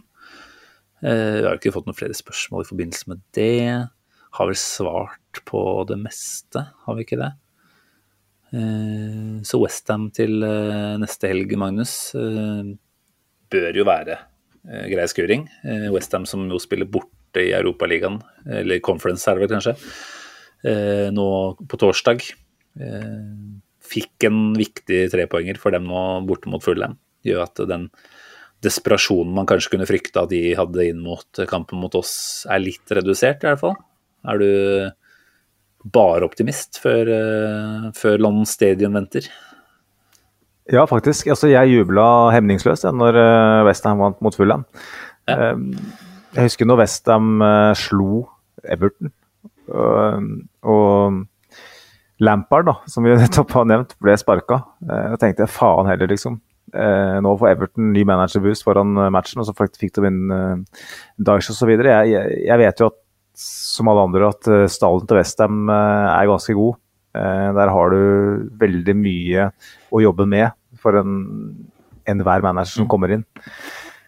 Så jeg frykta jo at Moyes skulle få fyken. Men Moyes mot toppklubber, apropos eh, folk som ikke kan bruke blåseinstrumenter, som allikevel bruker blåseinstrumenter, det er bare nødt til å gå bra. Det er null Eh, eller? Er det ikke det? Han har aldri vunnet. Iallfall ikke på borte, tror jeg. Bortsett fra Jeg kanskje ikke kan vinne borte i det hele tatt, jeg er usikker. Men han, Nei, bare eh, han har en helt grell statistikk eh, sånn totalt sett da, mot Mm. eh, topp seks-lag. Og når man ser hvordan de spiller, så Det er jo en parkere bussen, eh, som er eh, til dels da, som er eh, mantra mot, mot toppmotstand. Og evner egentlig ikke det veldig godt. Eh, er dårlig på presspill, ekstremt dårlig på presspill. Og så har du på en måte et lag som er satt opp for å feile i en sånn type match. Og tross alt tilbake da inn mot eh, litt store, sterke, svimle Westham-forsvarsspillere. Det, det kommer til å ordne seg ganske greit, Simen. Så Declan Rice som er klar for Arsenal til sommeren, gidder vel ikke å legge inn 100% der, kanskje? kanskje. Begynner å se at det er bedre muligheter for eh, poenghøsting andre steder. Eller skal han Ja. virkelig bare vise hvorfor Arteta bør punge ut og dunke inn et par fra 35? Nei, jeg, jeg tror ikke det. Jeg, jeg følger deg veldig på det her. Altså. Jeg tror eh, Arsenal eh, mot Westham, og da igjen med en uke til å forberede på, til å legge skal vi si, dette bak seg, eh, det vi var med på i dag. eh, Terpe eh, hvordan vi skal bryte ned eh, en lav blokk eh, på en stor bane, skal sies. London Stadium er vel kanskje den største gressmatta i hele ligaen, tror jeg. Det er eh, Jeg mener at jeg har notert meg det et eller annet sted, i hvert fall. Det er eh, gode arbeidsforhold i vente for vår del, jeg tror jeg. Newcastle banka vel fem inn i, på samme arena nå i midtuka. Um, da er ikke Newcastle kjent for å skåre kjempemye mål. Um, og der var det veldig mye personlig feil fra Westham, skal sies. Men um, det er en giftig atmosfære på, på London Stadium, og da tenker jeg først og fremst hjemmelaget sin del. Der er det, der er det ingen buy-in igjen i det hele tatt fra tribunen. Får det tidlig mål der, så, er, så kommer de til å trekke ned shortsen og bøye seg ned og ønske velkommen. Da er det bare å banke løs. Da sier vi ja takk, vi. Sånn at uh, den kampen bør gå ganske greit. Uh, Ja. Men det er klart, er, de skal vel, uh, bare for å ta det Simen du nevnte når vi snakka off-air her at uh, Western skal vel også ut i en uh, europamatch. Jeg tror jeg sa det nå i, i praten her også. Jeg gjorde det, eh, ja. on-air. Uh, men jeg sjekka, det er uh, tur til Belgia. Skal spille mot Gent. Mm. Så, Gente. Eh, det kan jo være en kamp hvor de ikke nødvendigvis spikrer avansement i første match, som gjør at de har returen også litt i huet eh, når de spiller mot oss på søndag.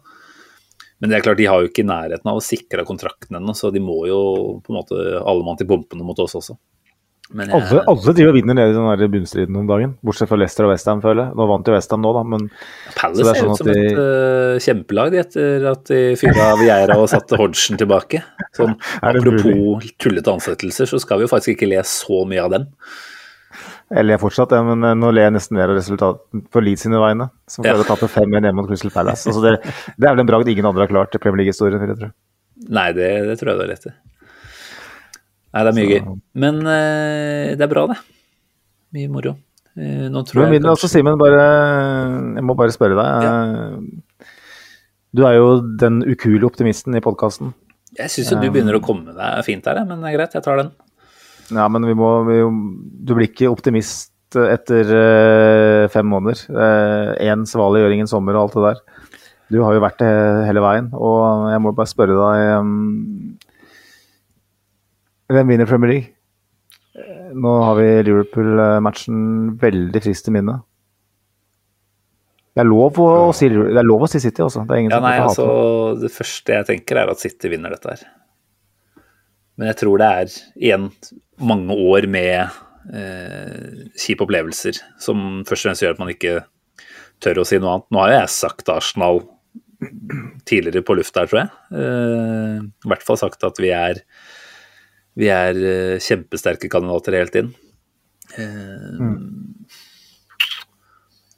altså, Det er vanskelig, akkurat sånn som City ser ut nå. Eh, For jeg trodde faktisk ikke at de skulle våkne så til live som det de har gjort. Eh, Haaland ser dessverre ut til å både være ekstremt fyrt opp sjøl, men også klare å fyre opp resten av gjengen.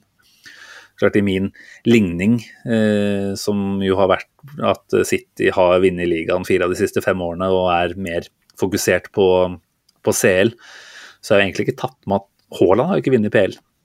Det er klart at den uh, sulten som man kanskje ikke har sett 100 til stede hos en del av de drevne City-karene, den, den er nok 100 til stede hos Haaland.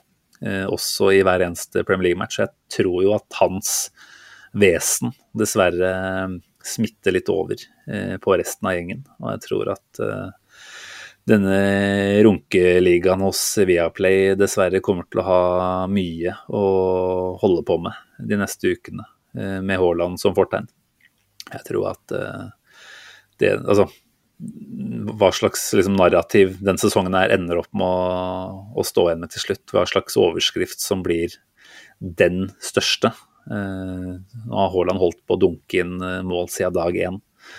Det føles jo dessverre eh, ut som en ganske plausibel mulighet at det blir det store til slutt også. At han fortsetter å dunke inn mål og skyte City til tittelen. Mm. Men det er klart, vi har, en, vi har matchavgjørende baller selv, og det har City også. Så det er liksom Det er helt åpent, men akkurat nå, eh, litt uvisst hvordan det ser ut med Saliba fortsatt, ikke sant, så, så klarer jeg dessverre ikke å si noe annet enn at jeg akkurat i dag tror City drar det i land. Så da kan du være optimistisk, kanskje, da, og si noe annet. Det klarer jeg ikke, Simen. Men um, jeg tror vi skal ehm, prøve å la være å se fram mot den City-kampen i altfor stor grad. Nå må vi prøve å tenke gjør jobben hele veien nå eh, før den. Ja.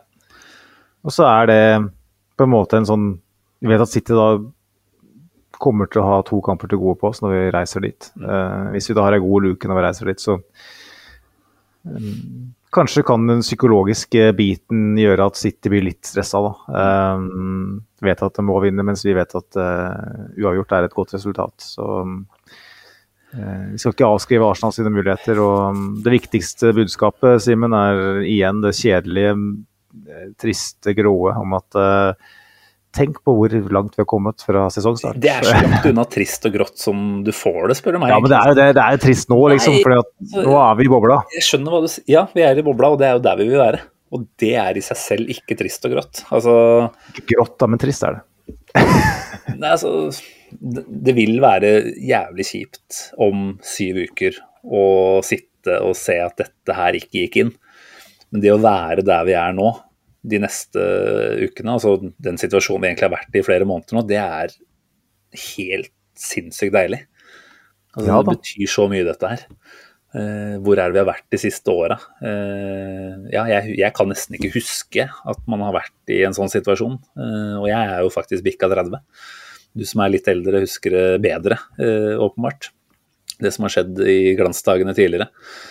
Men, men det å liksom leve dette her nå fra dag til dag, uke til uke, eh, hver gang eh, du har et lite mentalt eh, pusterom, så dukker det opp noen tanker om Arsenal, og så drømmer man litt, og så frykter man litt. Altså, den der klassiske Arteta-greia med hva som er viktigst av målet eller veien, ikke sant.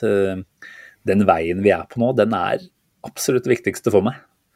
Eh, Men er, er, klarer du det, liksom, at du har bare sånne tidsvinduer her og der hvor du tenker på ligagull og, og ikke ligagull? Jeg tenker på det hele tida, jeg.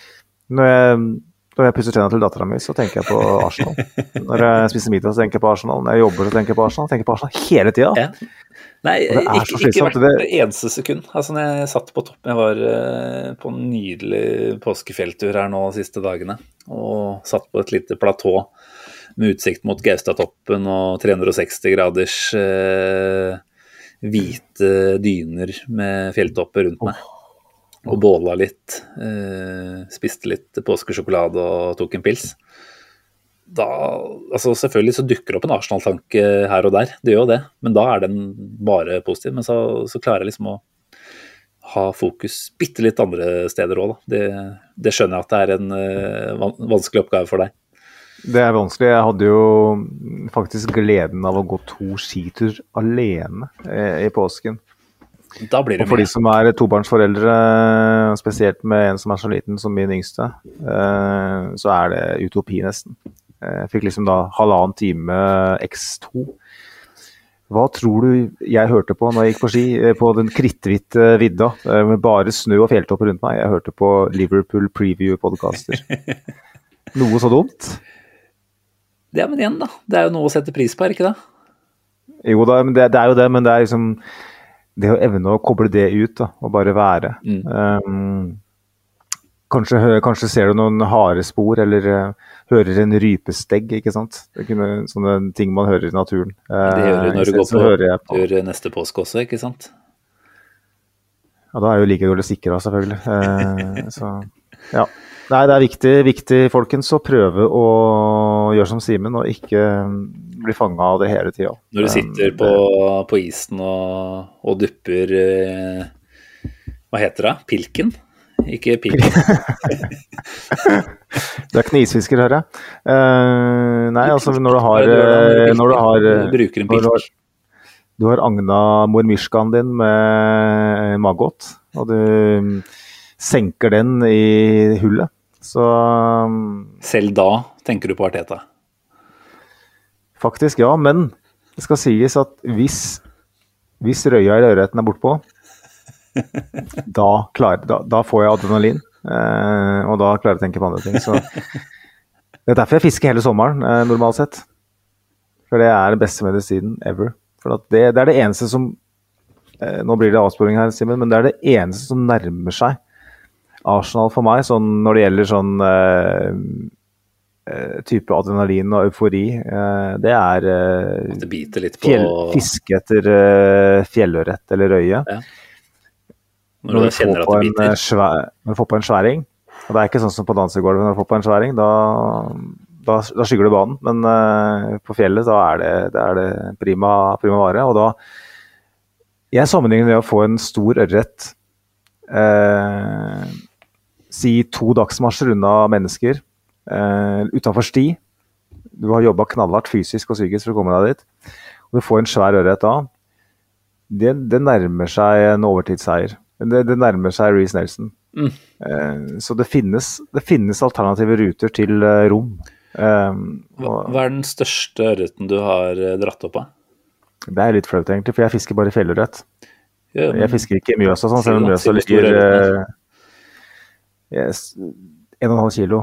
Ok, La oss si at du kunne fått valget mellom Det, det finnes sikkert ikke engang, for jeg er jo åpenbart ikke så bevandra på viddene som deg. Eh, Men eh, du kunne fått valget mellom å dra opp en ti kilos fjellørret eller det fins ikke, tror jeg. Nei, ikke sant? det Ja. finnes ikke.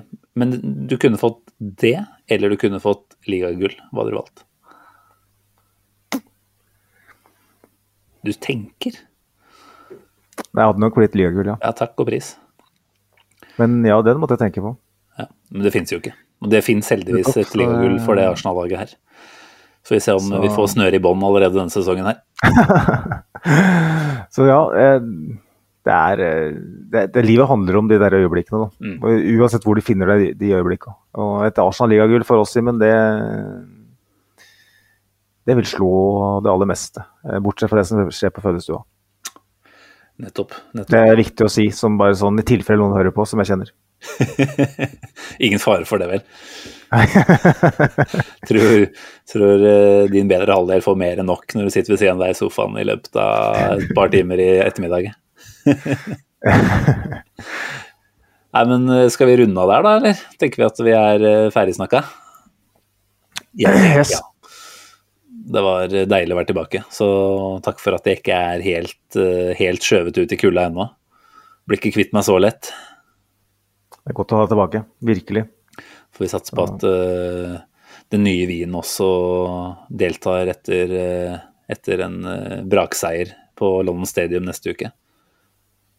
Åh, få tilbake han som spiser pizza med cashewnøtter og ananas. Så I tillegg så blir det en uh, fortreffelig aften. Fortreffelig aften.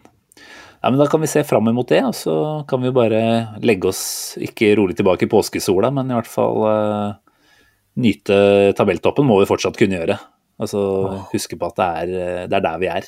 Det har blitt den nye hverdagen, men uh, sette litt pris på det fortsatt. Det må vi faktisk prøve å, å gjøre, altså. Så kan vel egentlig bare si takk for følget der. Jeg vet ikke om du har noen siste ord og noen oppfordringer i forhold til slike sosiale medier og den slags? Kan jo ta det kjapt. Det er uh, etterpå Arsenal på Twitter. Uh, der, eh, der er det en økning i antall følgere, og det, det setter vi pris på. Vi nærmer oss firesifra etter hvert, og det håper vi kommer dit. Og så har vi eh, Arsenal Station på Facebook, bare søk oss opp. Eh, vet ikke om vi har noen flere sosiale medier. Det er vel egentlig bare å rate oss og like oss og dele oss og sånn. Og Du vil ikke dele ut din private snap? Snapchat vil jeg helst ikke dele, for det, der, er det, der er det mye ørret og Der er det sjuke ting der. Troika var det vel nå på lørdag, tror jeg. Men uh, nå, nå, nå tenker vi um, først og fremst uh, forholder oss til uh, Arsenal Station sine kanaler, og da føler jeg vi har sagt, mitt. Og Vi er i mål. Vi er i mål. Vi er i mål, Vi i Magnus. mål. Godt levert. Ørreten er i håven. Det får vi håpe at den er, også framover. Eh, takk for praten. Godt eh, å være tilbake. Takk til deg som lytter. Eh, ha en fortreffelig uke videre. Så sier vi bare på gjenhør om ikke altfor lenge. Ha det bra. Ha det, ha det. Hei!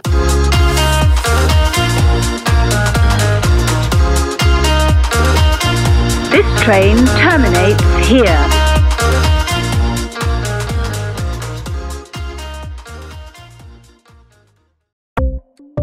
Ukens annonsør er HelloFresh. HelloFresh er verdens ledende matkasseleverandør og kan være redningen i en travel hverdag. Mange av oss har nok vandret i butikken både sultne og uten en plan for middagen, som ender med at vi går for de samme kjedelige rettene gang på gang. Middag burde være dagens høydepunkt. Som HelloFresh kan du nå velge mellom 25 ulike retter hver eneste uke, eller få HelloFresh til å sette sammen menyen for deg. Dette gir deg muligheten til å prøve nye og spennende retter alene eller sammen med familien. Du velger antall porsjoner og får alt levert på døren på et tidspunkt som passer for deg. Oppskriftene er enkle, og maten er lett å lage både for store og for små. Ved å få alt levert hjem får du også mer tid til å dele matgleden med familie og venner. Kanskje det frister med asiatiske tacos eller greskinspirert kylling? Da kan jeg anbefale deg om å gå inn på hellofresh.no. Her kan du bruke koden FOTBALL og få opptil 1779 kroner i rabatt på de første fem matkastene hvis du ikke har prøvd Hello Fresh tidligere. Du kan også bruke rabatten hvis du har vært kunde og stoppet abonnementet ditt for tolv måneder siden eller lengre. Gå inn på hellofresh.no og bruk koden FOTBALL. Har du et enkeltpersonforetak eller en liten bedrift? Da er du sikkert lei av å høre meg snakke om hvor enkelt det er med kvitteringer og bilag i fiken, så vi eh, gir oss her, vi. Fordi vi liker enkelt. Fiken superenkelt regnskap.